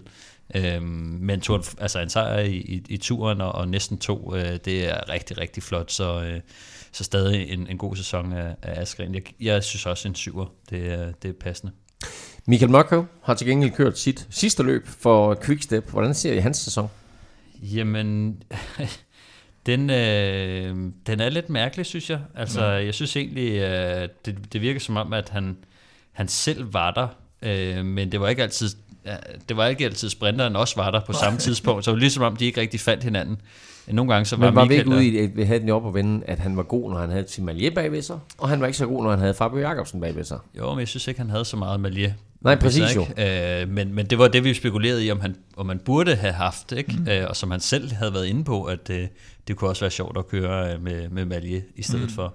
Øhm, ja, ja jeg, det, er ikke, det er ikke kun hans skyld, men, men jeg kan ikke give ham mere end, end tre, synes jeg, fordi at det er som om, at han, altså, han er der, men, øh, men det, det bliver aldrig rigtigt til det helt store. Altså, mm. øh, Nej, jeg ligger også på det niveau der, og så var der også lidt skuffelse inde på banen ikke med ham og Lasse ja. Ja. Nordmand og sådan noget, så generelt lidt sådan en, en fesen sæson, tror jeg måske også, han sådan selv sidder, sidder lidt tilbage med, ikke? Og, øh, og, og, og det spændende bliver jo det her skifte. Det. Mm. det er jo det, der egentlig har næsten ligesom at, at øh, Nordsgaards øh, kontraktforlængelse med Movistar måske næsten var det bedste på hele sæsonen. Så, så, så er det her skifte for Mørkøv, som kan gå hen og blive sindssygt spændende, og det kan også gå hen og blive en kæmpe fuser, mm. alt efter hvordan det kommer til at gå med Cavendish på, på det her Og Starner-projekt. måske til næste år, historisk. Ja, lige præcis, det, det, og det er virkelig interessant. Så det, det er næsten det mest Karakterer? interessante. Ved, tre har vi givet, mener jeg. Begge Tre, to ja. har vi, ikke? Begge Ja. to. Ja. Med, øh, med Mørkøv hos øh, Astana til næste år, så står lærlingen jo klar til at overtage. Men øh, hvordan så I Kasper Pedersens 2023? Mm, meget op og ned, og måske, nu sad jeg lige og gennemgik hans resultatliste, så er det nok egentlig mere ned, end jeg havde husket. Altså hvis jeg sådan lod være med at kigge på resultatlisten, og bare tænkte over, hvordan jeg huskede hans sæson, så huskede jeg den egentlig bedre, end, end resultatlisten siger. Øh, han, han starter jo med lyn og torden, og vinder allerede øh, 12. februar i Portugal. Og så er den sæson jo i gang, ikke? og så bøvler han i foråret, og så kommer han meget stærkt tilbage i, i Belgien rundt, lige inden øh, DM og turen, og tænker, nej, nu kommer han måske med i, i turen simpelthen, og det fortalte han så, at det var han så ikke kommet, uanset om han var, var, var styrtet i DM, som han jo gør, øh, styrter ud af DM med brækket kravben, og, øh, og så misser han selvfølgelig Tour de France. Øh, så ja, der, der var lidt for lidt, i forhold til netop øh, det niveau, lidt som øh, Mikkel Honoré, selvfølgelig bedre sæson, men også det, at man ved bare, at han er en god cykelrytter, øh, mm. ligesom med, Mikkel, at øh, man ved godt, at han har et meget højere niveau, men det bliver ikke rigtig vist, så jeg tager sgu en 4 på den. Stefan? Jeg synes, han skal have en sekser. Øhm, og det, øh, det er blandt andet på grund af, at øh, altså, han- er jo også øh, hjælperytter i, i meget sæsoner. Det var lidt mm. det samme historie med, med Kasper i foråret, at man tænkte, han er jo, han er jo den bedste. Altså, så, så kør mm. nu for Kasper for helvede. Han har også en god mm. afslutning. Øh, han, han får den her sejr i, i Portugal. Øhm, træer i, i Belgien rundt, det er et stort resultat. Vi havde ham jo inden øh, mm. efterfølgende og spurgte ham også om det, ikke? Og, og der jokede han jo også selv lidt med, altså, at, hvor stort det var på et belgisk hold at blive nummer tre i Belgien rundt. Ikke? At, mm. at, det var først der, man, øh, kan man sige, drengen blev til mænd, og jeg ved ikke hvad. Mm. Øh, så, så kæmpestort. Og med brækket kravben til DM, øh, synes jeg også, at, øh, at, altså, at, at at øh, han kommer fint tilbage efter det, øh, dog uden at få øh, nævneværdige resultater. Men ja, jeg synes alligevel, det, og, og så igen, øh, den x-faktor, jeg ligesom har, det på, på, på UCI-point, så er det hans bedste sæson nogensinde. det synes jeg også bare, altså sådan, det, det, nogle gange så er det ikke altid sejrene, altså så er det også mm. bare, altså de der de andre gode placeringer, ikke? Altså, så bliver nummer 4 i, var det Trofeo Calvia eller sådan noget, i Spanien mm. i starten af året, ikke? Det, det, det, alt, alt de der resultater, de tæller altså også, øh, så en 6'er ja. synes jeg godt, man kan give Kasper.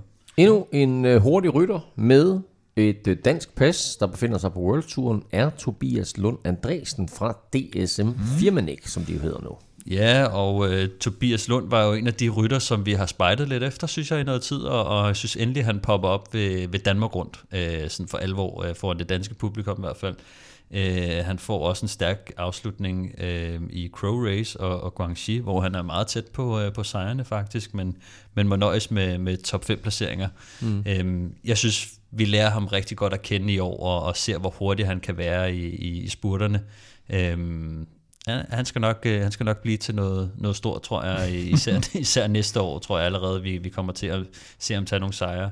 Jeg synes, han, han fortjener en, en sekser, øh, og det er fordi, at han, han, ja, han, han får lidt et gennembrud. Vi lærer ham at kende og, og ser, hvad det er, han, han kan, og han er, han er ret tæt på at, at tage nogle, øh, nogle rimelig store sejre, synes jeg. Kim? Ja, men jeg er nødt til at, igen, jeg kigger også lidt på, på mit niveau for de andre der, og jeg lægger ham sådan på niveau med, med Kasper P. og Frederik Vandal, og dem har jeg givet en 4, så, så det synes jeg også er, er passende for, for Tobias. Og så kan vi vel godt tillade os at kalde den næste rytter for den lidt eller meget glemte dansker, fordi også på DSM Firmanik, der finder vi stadigvæk Frederik Rotenberg. Ja, altså øh, han har jo stort set ikke øh, kørt noget øh, i år, så det er meget svært at, be, at bedømme ham. Ja. Han, øh, ja, eller nemt. Han kørte to løb i februar, ja. ikke, øh, ja. som jo var øh, østpå, og øh, der var ikke rigtig nogen resultater, så øh, altså, det er ikke fordi, jeg ikke kan lide ham, men øh, en, en, en, en, en nuller. Jeg tror, der er noget med... Altså han på er, en skala fra 1 til 10, der giver du simpelthen 0? Nej, så giver jeg 1. Okay. Men så var det næsten et statement. Hvorfor kan man ikke give 0? Jamen, hvis skalaen er fra 1 til 10, så, så, så kan du godt give 0, men det er bare meget voldsomt statement over for Frederik, ikke? Jo, jo, så må ja. han få en etter, tror jeg. Nej, det tænker jeg også. Så den er jeg med på, så.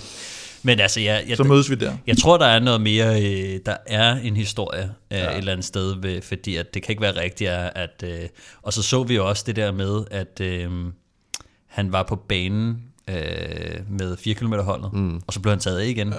Og der var vist et eller andet der. Noget med, at, øh, at øh, jeg tror, der var noget med, at øh, han måske har fået en vink med en vognstang om, at øh, hvis, hvis du ikke kan køre cykelløb, så skal du heller ikke køre på banen. Og sådan. Mm. Der er et eller andet Men der. var det, ikke også en, var det ikke også lidt et omvendt vink med en vognstang fra ham til holdet. Jo, at, hey, måske. jeg er faktisk klar, jeg kan faktisk godt køre på cykel. Måske, altså jeg ved, jeg, altså jeg må indrømme, jeg skrev til ham efterfølgende, og, og han, øh, han, er selvfølgelig ikke, han var selvfølgelig ikke helt klar til at løfte sløret for, øh, for hvad fanden det gik ud på det der, men, øh, men der, der er en eller anden historie, der venter på at komme ud, og det kan være, at vi skal vente til, øh, til 1. januar, før, øh, før vi får den. Nå, men en 0 og en 1 på en skala fra 1 til 10, det giver en halv i snit.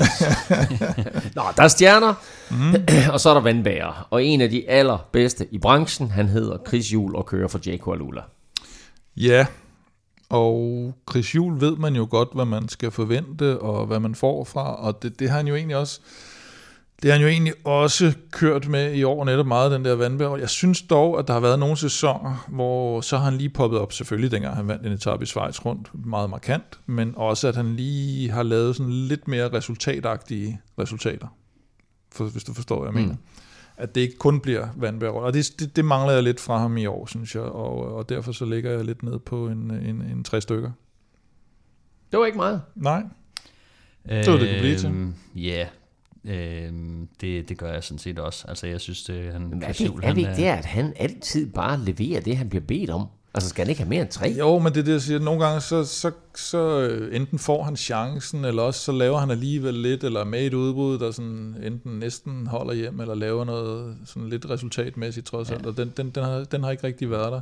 Så der mangler lige den der pop-up øh, Ja. ting, der nogle gange er. Der var lidt til, til VM, synes jeg, hvor han ligesom var med til at, at sætte lidt tempo, mm. øh, da de kom ind, ind til byen der. Ikke? Men, øh, Nå, men der er jo ikke nogen tvivl om, at han er øh, en god hjælperytter her på sit hold. Det, det er slet ikke det. Ja. Øh, men det er Mørkøv jo også. Øh, Men jeg synes også, at lidt, altså, man skal også lige tænke på det relative i det. Altså, han, han er faktisk en mand, der har vundet cykelløb tidligere, og, han, mm. og, og en mand, der virkelig har sprunget i øjnene som en klasse hjælperytter. Mm. Det er bare blevet mindre synligt med tiden, synes jeg, og det er ikke mm. ens betydende med, at han er, han er blevet dårligere, men det er, sådan, det er ikke lige så sådan, han overleverer ikke så meget længere, som han måske har gjort det her andre år.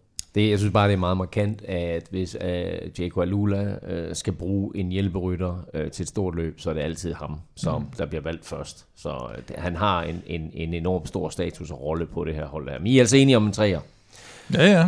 Ja. Øh, og så må jeg jo sige, jeg ved ikke, øh, hvordan vi har fået fuldstændig byttet rundt på det her, men det der med, at vi kører holdene i alfabetisk rækkefølge, det er i hvert fald gået helt fløjten. Øh, Nå, det, det hedder Team Jaco Alula. Nå, det er derfor. ja. Okay. Øh, Pogacars holdkammerat og gode ven, Mikkel Bjerg, kører øh, selvfølgelig fra øh, UAE. Mm. Øh, og han fik jo faktisk sin første World Tour sejr i år. Ja, han fik øh, ikke nok med sin første World Tour sejr, faktisk enkeltstarten i Dauphiné, som mm. jo er en af de mest prestigefulde sejre på, på altså hvis man ser ud over Grand Tours. Øhm, og så bliver han øh, sekser i Gent Wevelgem, og jeg kan da huske, at jeg havde ham spillet ham til et eller andet, eller hvad, hvad var det, øh, i, i nogle af de der klassikere også, og tænkte, nu, nu er den der, altså nu, nu kommer han helt op og laver mm.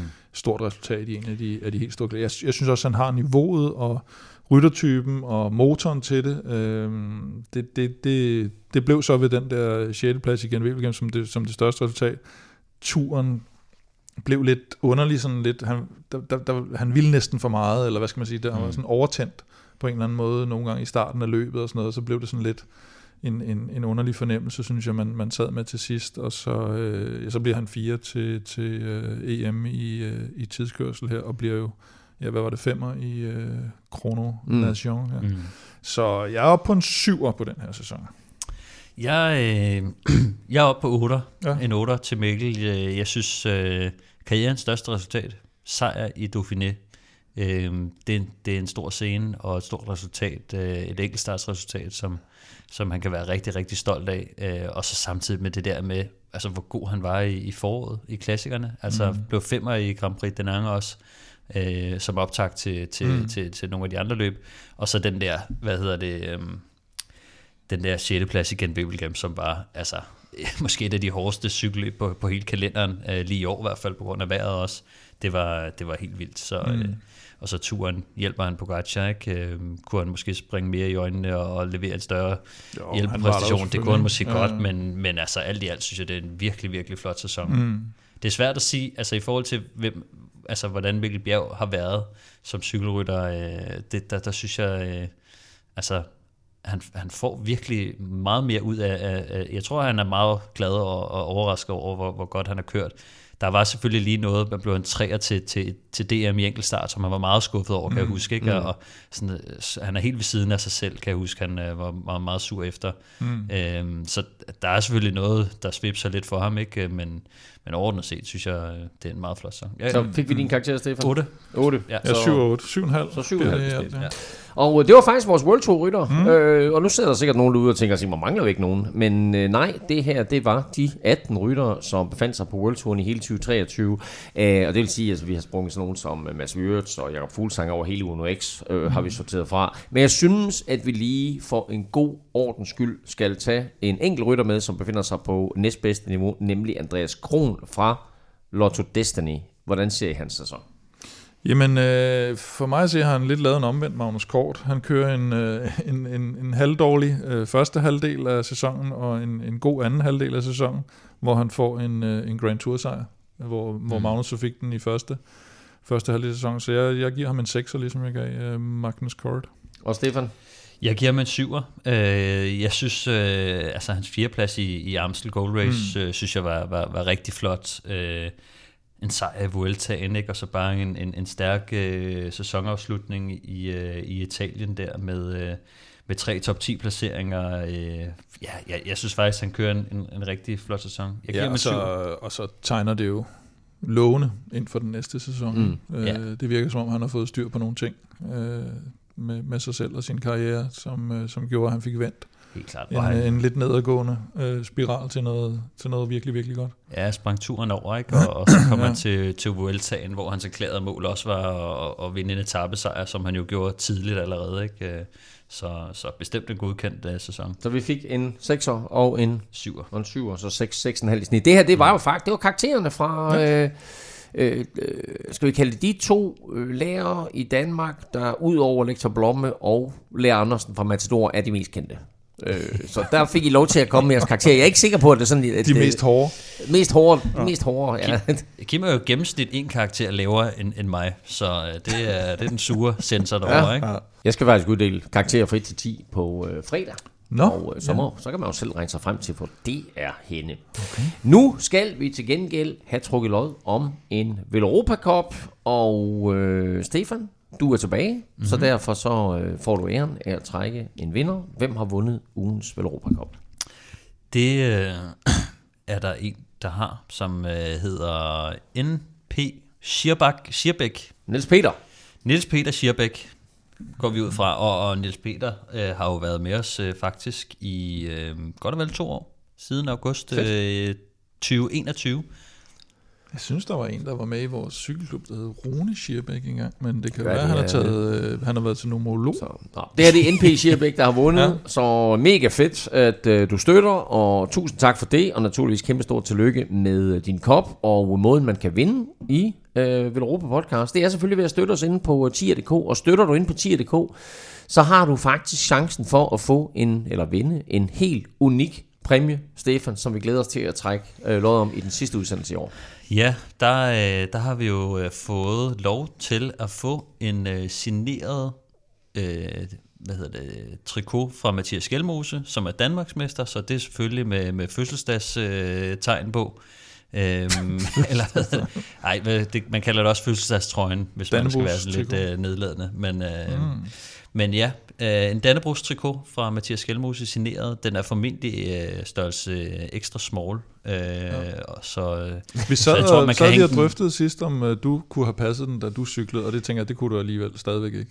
Det, det tror jeg faktisk ikke. Nå. Øh, jeg, jeg, jeg tror, jeg, jeg brugte... Øh, nej, det kom lidt an på. Jeg havde faktisk lige nogle øh, ekstra small øh, trøjer på Var tidspunkt. noget ekstra ja. small? Ja. Men jeg kan huske, øh, jeg tror, det var kun et år eller to efter, øh, da jeg stoppede, så fik vi faktisk også en trøje fra Mathias Skelmose, som jeg prøvede at tage på, og den virkede rimelig lille. Lidt tight. så jeg tror, han, i hvert fald hans overkrop er måske lige marginalt mindre end, end min, trods ja. alt. Øh, ja.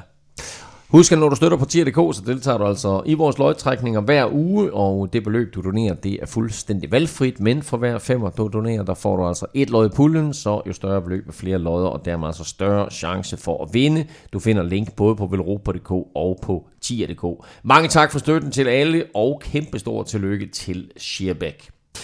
Vi runder lige den her udsendelse af med at runde de største nyheder, og efter fusionen mellem Jumbo Visma og Sodal Quickstep gik i vasken, så fandt Jonas Vingegaards hold lynhurtigt en ny partner, og det blev ikke Amazon. Nej, øh, angiveligt så skal de jo have til at hedde Visma Lease a Bike. Det lyder fæsent. Det lyder, Og der lidt sjovt, tænker og det jeg, lyder altså- også lidt som om, at man uh, leaser den der bike hos Visma, og det tror jeg måske alligevel ikke, man gør. Nå ja. Men, uh, så, for det er jo et regnskabsprogram. Men jeg Men tænker- uh, ja, det, Jumbo stopper jo som sponsor, Ja. uh, så de skal jo have en ny sponsor, og, og det, det er det seneste. Det seneste nyt. Mm. Og så tænker jeg bare, altså, vi snakker et sponsor, vi snakker et hovedsponsorat, vi snakker, hvad snakker vi, 20-30 millioner kroner, øh, euroklassen, øh, altså, øh, Lisa Bike, er det sådan en firma, der kan løfte sådan en opgave? Der skal leases nogen, det er jo en anden måde at, at købe cykel på. Så øh, man kan sige, hvis øh, cyklen koster nok, og der kommer lidt, øh, lidt øh, renter oveni, fordi man skal lease den i stedet mm. for at, at, at købe den. Jeg, jeg kender ikke forretningsmodellen i detaljer, Jeg tror men faktisk, det er sådan der er et stort med, marked for jeg, det. Jeg tror, det, det er noget med, at øh, de skal tilbyde det til virksomheder, så de sådan skal, det ikke bare sådan, ligesom det, ikke det der med de blå dæk, som de også har reklameret for tidligere, Nå, nej, nej, det er jo Øhm, til private. Ja. hvor det, stor det, det her det er til, til, til større virksomheder. Øhm, Ja. så Nå, men det her det er jo et alternativ. Det er jo ikke for at lege en cykel, det er jo for at købe en cykel. Altså hvis du siger, jamen jeg vil godt have en uh, Trek til uh, 60.000, mm. så siger jeg, men du kan også uh, du kan lease den i tre år. Mm. Og så afleverer du den tilbage, ligesom uh, jeg leaser jo min bil i øjeblikket, ikke? Og så, Ja. ja. så, man sådan. Sådan. Nå, Så det øhm, det finder vi sikkert ud af. Det må de lægge råd Det finder vi meget Det er jo ikke ud af. sikkert endnu, vel, så vidt jeg forstår. Nej, det er- Øh, det er på, stadig lidt på rygtebasis. Nå, okay. Der er jo nogle rygter, der, helt, øh, der ikke helt holder dernede.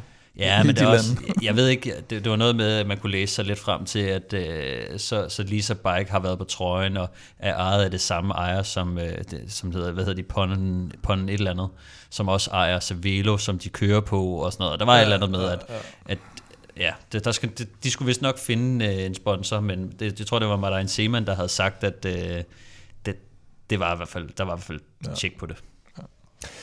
Der er øh, også nyheder omkring øh, The Pocket Rocket, fordi Caleb Ewan vender hjem til Australien. Pocket vender hjem til Australien, ja. Man kan vel godt kalde hans ophold hos Lotto, Destiny for lidt kuldsejlet. Øhm, der kommer også det her lidt øh, ballade mellem ham og holdet, og han blev sådan lidt... Man kan sige, de skal have kørt Arno Deli ind, ikke, som den nye superstar der i, i Belgien, så, så mm. der, der blev bare mindre og mindre plads til ham. Det er klart, når hans, når hans resultater så ikke rigtig følger trop, så øh, ja, så, så var det jo det eneste, der kunne, der kunne ske. Det var egentlig lidt det her, og så...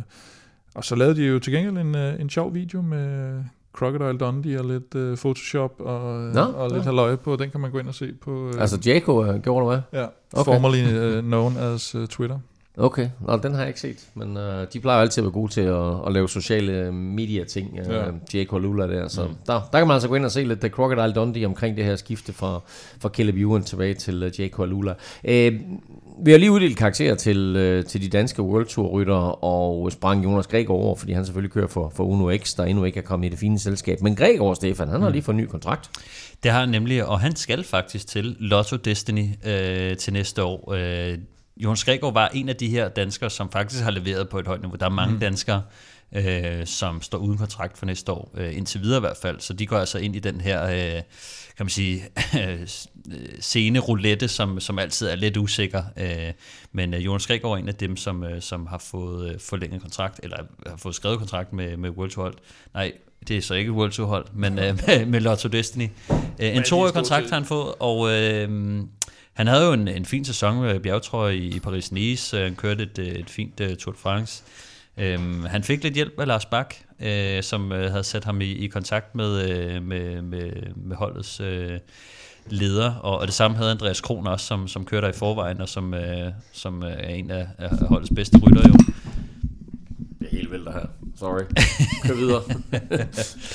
øhm, men, øh, men ja, altså, øh, det bliver spændende at se Gregor. Jeg tænker lidt over, øh, hvad hans, hvad hans rolle måske skal være på, på Lotto. Øh, Det kan være, at han, øh, han skal hjælpe Andreas Kron med at, med at blive kørt frem, eller øh, han skal hjælpe Kron med, med at placere Tidligere holdkammerater? Ja, det er tidligere holdkammerater. Øh, Med dig? Også med mig, ja. Jeg, Ja. jeg har kørt der også det år, hvor at, øh, de kørte sammen, kan man sige. Øh, Der, øh, der var Jonas Gregor faktisk lidt større stjerne, end, end Kron var lige på det tidspunkt. Øh, Men, men Gregor, han har altid været god. Han har altid haft et, et stabilt øh, niveau, mm. og rigtig god til at placere sig i feltet. Øh, Så, så det tror jeg også, som hjælperytter, øh, så, så tror jeg faktisk, han vil være rigtig god til, at- til at hjælpe folk med at sidde, er han- sidde fremme. Øh, Nu øh, skal vi også huske at kalde ham Høvlen for Herlev, i øvrigt. Oh, ja, øh, som Magnus Kort jo fandt ud af, øh, at han skulle hedde. Er hans i gåseøjne problem lidt, at han er rigtig, eller sådan, han er relativt fornuftig til ret mange ting, men ikke sådan helt super god til én specifik ting. Altså han er for all-round måske næsten.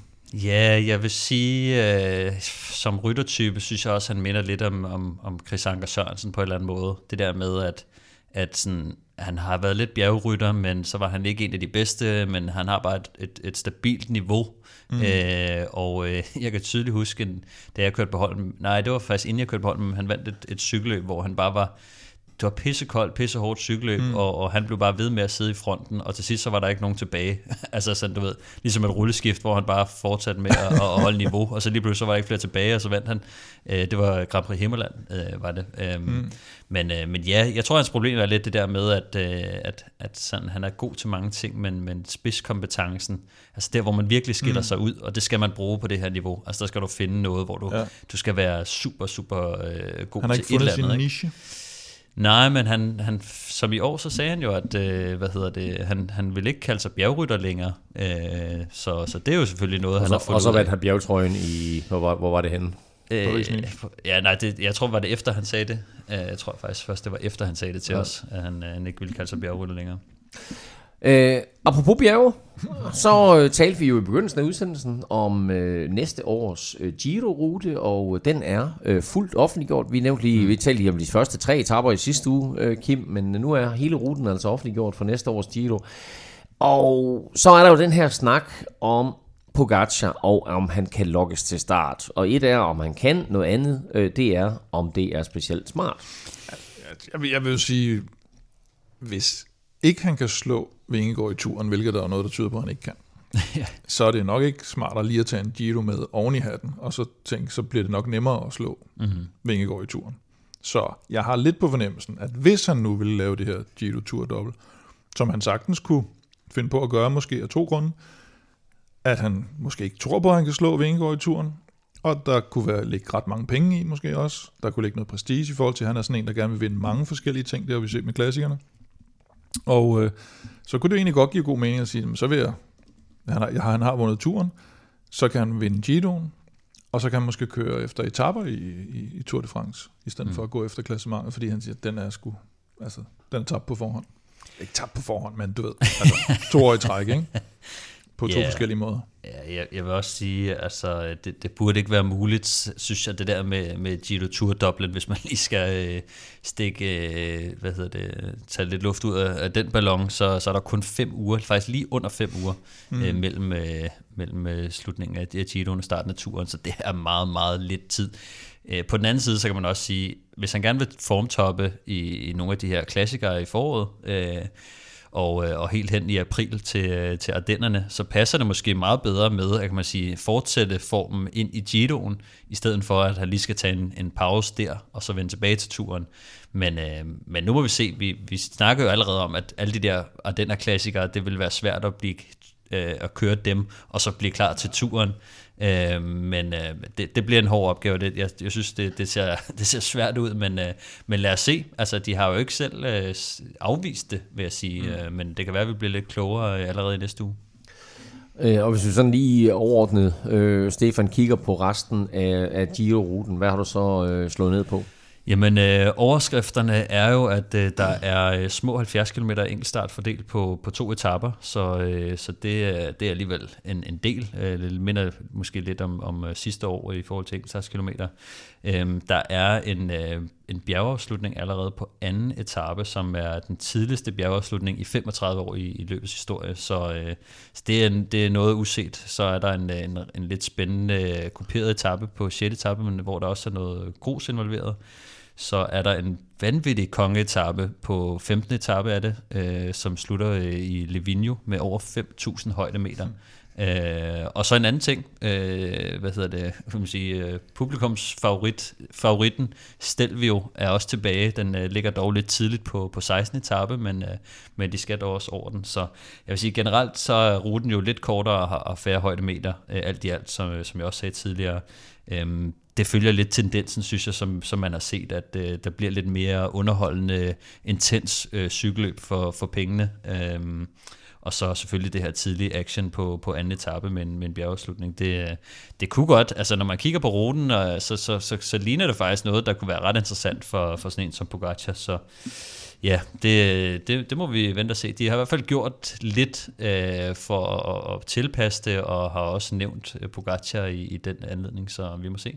Og skal man vinde Giroen på en tidlig bjergetappe, så er det vel Europa, det skal ske på. Jeg ser det. Ja, det er. Den der, Europa. det bjerg der på anden, et- anden etape, det hedder Europa. Nå, jeg, prøvede, jeg, prøvede, jeg har prøvet at arbejde på en joke i sidste uge med Jeg synes, vel, den, øh, Europa. den ramte du meget den, godt den, den, den, var ved at være der. Nå. Øh, lad os lige runde turen også, fordi der er nemlig et, og der får vi altså hele turruten den 25. oktober. Øh, men vi kan godt lige runde en lille rygte, nemlig at der er, nu får vi altså en vild etape i Chiloen på anden etape, mm. og der er også mulighed for, at vi får en vild etape allerede på fjerde etape af årets Tour de France. Jamen, vi talte jo faktisk om det, da de her tre første etapper blev offentliggjort ned omkring øh, Firenze, hvor de kører fra Firenze via Torino op til Bologna. Eller til Torino via Bologna. og, der, øh, og der taler vi jo stadigvæk uh, Tour de France her, fordi Tour de France starter, i Italien. Den starter i Italien og har de her, de her tre uh, italienske etapper, og så, så slutter det jo så også i Nice, som er anderledes end, end Paris på grund af OL i Paris, uh, som Val, Valgren skal ned og vinde. Øhm, og, og, og det vi talte om i den forbindelse var jo, at når man skal fra Italien ind til Frankrig, så med mindre man tager en uh, meget snørklet omvej, eller, eller bliver fragtet over Branderpasset, så skal man jo op over noget, noget alpeværk der. Og det er så rent faktisk det, der også kommer til at ske, øh, ifølge de første forlydende her på fjerde etape, som skulle gå fra øh, Pinarolo, ikke Pinarello, men øh, Pinarolo til Valois, med øh, Sestriere, mm. Montgenèvre og Galibier. Fjerde etape. Wow. Velkommen. Velkommen til Tour de France. Øh, ja, det, bliver, det bliver helt crazy, ikke? Så, men altså om en uges tid, så, så ved vi mere. bliver Eller ikke om en uges tid, tror, om, om, øh, om en uge. I årets Så, så, uh, tur, der var Tourmalet på 6. etape. Uh, her, der Ja, så havde får vi altså Gal- Baskerlandet. Gal- øh, Gal- endnu ja, så åbnede det jo ja. Baskerland, det er rigtigt, ja, det var barsk nok. Men Så, så, her, øh, Galibier på 4. etape, det er da også ja, helt vanvittigt. Nå, og det skal lige siges, at det stadigvæk kun er på rygtebasis, men om end øh, meget, meget øh, tæt på at være bekræftet. Vi ved meget mere om det her i næste uge, når Yes. tur øh, og ASO altså offentliggør øh, Tour de France-ruten for 2024. Og hvem der vinder Giroen og turen til næste år, det ved vi naturligvis ikke, men nu skal vi have fundet vinderen af dagens quiz. Spørgsmålet var simpelt. Hvilket hold er det hold, øh, der i år har haft flest forskellige ryttere, der har vundet mindst en UCI-sejr? Og Kim Plesner, du har serveretten. Vil du svare, eller vil du lade Stefan svare? Jeg vil gerne svare. Du svarer. Ja tak. Det er ren gæt, Ja, tak. øh, og det bliver øh, Sudal Quickstep. Sudal Quickstep er et rigtig godt bud. Jeg kan fortælle dig, at de kun er nummer 3. Super. er det rigtigt? Yes. Ja. Hold da fest. Jamen, øh, det mest oplagte vil jo være de gule. Men, Det synes jeg faktisk ikke. det synes du ikke? Nej, fordi Roglic og Vingegaard har vundet sindssygt mange af deres sejre. Olaf Køj, Milan Vader, Farter, Milan Vader. Farter, som du gerne fik mm. kalde Wout van Aert. Øhm, Wout van Aert blandt andet, ikke? Øhm, jeg siger... Jeg går i en helt anden retning og siger Alpecin. Alpecin de König. Godt. Øhm, Der ved jeg jo, at Philipsen har vundet halvdelen af deres sejre, ikke? Var det ikke sådan? Ja. Men det kan da godt. Ja, det kan da. Nå. Hvad nummer ligger de? de ligger nummer 15. Åh, oh, det var svært, det er svært ikke tæt på. Godt. Nå, men så vandt Øh, jeg. Nå, øh, Stefan. Nej, vi skal have... Vi skal Stefan, have, nu vil jeg sige, øh, giv mig serveretten, men du får lov til at bestemme, om I skal have et bud med hver. Det skal vi. Jeg skal lige uh, redeem, redeem myself. Ja, men- jeg, øh, Så Men siger men jeg- Det, er- det er Kim, der har serveretten, Ja, så du ja. får lov igen. ja. Hvem fanden er der? Nej, det kan det simpelthen ikke være. Det kan det simpelthen ikke være. Men det kunne det godt være. Nej, det kan det ikke være. Nå, jeg skal bruge Jeg siger. UAE. Du siger UAE. Ja. Stefan? Altså, jeg ville jo gerne have sagt Jumbo Visma i første omgang, men det turde jeg ikke, og så plukkede jeg lige øh, i, i... Men jeg vil faktisk... Så vil jeg gå med en, med en anden Ja. øh, outsider-kandidat, som jeg slet ikke øh, har nået at tænke længe nok over. Ineos. Ineos. Og Min, øh, det var lige jeg kan fortælle jer to, at efter en katastrofe første runde, så rammer I faktisk nummer 1 og nummer 2 Nej, her i anden runde. Ja, så er det jo Og fordi nummer er to, med 16 forskellige ryttere, der har vundet mindst en UCI-sejr i år, er Ineos Grenadiers. Ej. Og nummer 1 på listen med 17 forskellige ryttere er UAE. Så der er udlignet Jeg kan lige Sådan. nævne... Jeg kan Og lige nævne udlignet. Udlignet. jeg kan lige nævne øh, fra 10. pladsen op efter øh, 10 sejre, Lotto Destiny, Intermarché, Little, Gru- eller, altså 10 forskellige ryttere, Lotto Destiny, Intermarché, Little Trek, øh, Groupama. Øh, så kommer vi op på 13 forskellige ryttere. Der ligger EF alene, som er 14 forskellige ryttere, Bora, Jumbo og Sudal Quickstep, og så 16 Ineos, og med 17 forskellige ryttere. Men vildt nok med Ineos, ikke? UAE. Jo, men det, det, det er jo unge, øh, det er den unge garde jo. Ja. Der er udlignet. Og øh, Stefan, den gode nyhed er, at du overtager serveretten, men her står det altså nu 25, 25, 25. Og så må jeg jo ærligt indrømme på det her lidt sene tidspunkt af podcasten, at jeg har løjet for alle vores lyttere. Nå. Fordi jeg sagde jo i sidste øh, udsendelse, at vi kun havde to udsendelser tilbage, men jeg kunne ikke tælle, så der var lige den her udsendelse også. Nu er der så to udsendelser Ja, det er noget tilbage. lort for dig fordi du ville gerne have en stor uafgjort til den Det sidste ville være virkelig, Ja. virkelig godt for Claus Elmgren, at ja. det stod uafgjort 25, 25, 25. Men øh, der er to udsendelser tilbage, og vi har en i november, og så har vi altså vores store awardshow i december, så, så glæder jeg dig til det. Og øh, indtil da, der kan du følge Kim og Velropa på Facebook, X og Instagram på Snablag Velropa. Stefan finder du på X og Instagram på Snablag Stefan Djurhus, og undertegnet finder du alle steder på snabelag NF Elming. Husk også månedens t-shirt. Vi er all in på kus på shopvelropa.dk. Og ved du ikke, hvad du skal lytte til nu, må jeg så anbefale NFL-showet, hvor Thomas Kortrup og undertegnet tirsdag kiggede tilbage på en øh, vanvittig øh, 6. spilleuge i årets NFL-sæson, Gik hvor, det godt med Giants? hvor vi jo mistede de to sidste hold, der var ubesejret. Og øh, hvis vi lige kigger rundt i lokalet her, hvor vi alle Ja. tre jo går lidt op i NFL, så hvordan gik det Eagles, Stefan? Ikke så godt. De tabte. Hvordan gik det Giants? Ikke så godt. Men jeg spillede til gengæld på øh, øh, Cleveland Browns, som jo er mit øh, Sådan. nummer to hold Ja. efter Giants, til 5,75 på, at de skulle vinde over øh, 49ers. Og det gjorde de sgu. Det gjorde de. Sådan der. Og selvfølgelig min lille helte Minnesota Vikings, de vandt også. Ja. Så øh, hop ind og lyt til øh, NFL-showet, hvis du har lyst til det. Tak for nu. Tak fordi du lyttede med. Tak til vores partner Hello Fresh, og naturligvis til alle vores støtter på tier.dk. Uden jer, ingen vil Europa podcast. Og husk jo lige den nye kode til uh, Hello Fresh, som du altså kan taste ind på hellofresh.dk, som altså er HF Velropa. Indtil vi høres ved igen. Uh, hvad skal vi sige? Uh, au revoir, goodbye, farvel, Bienvenue. Bienvenue. så, Welcome.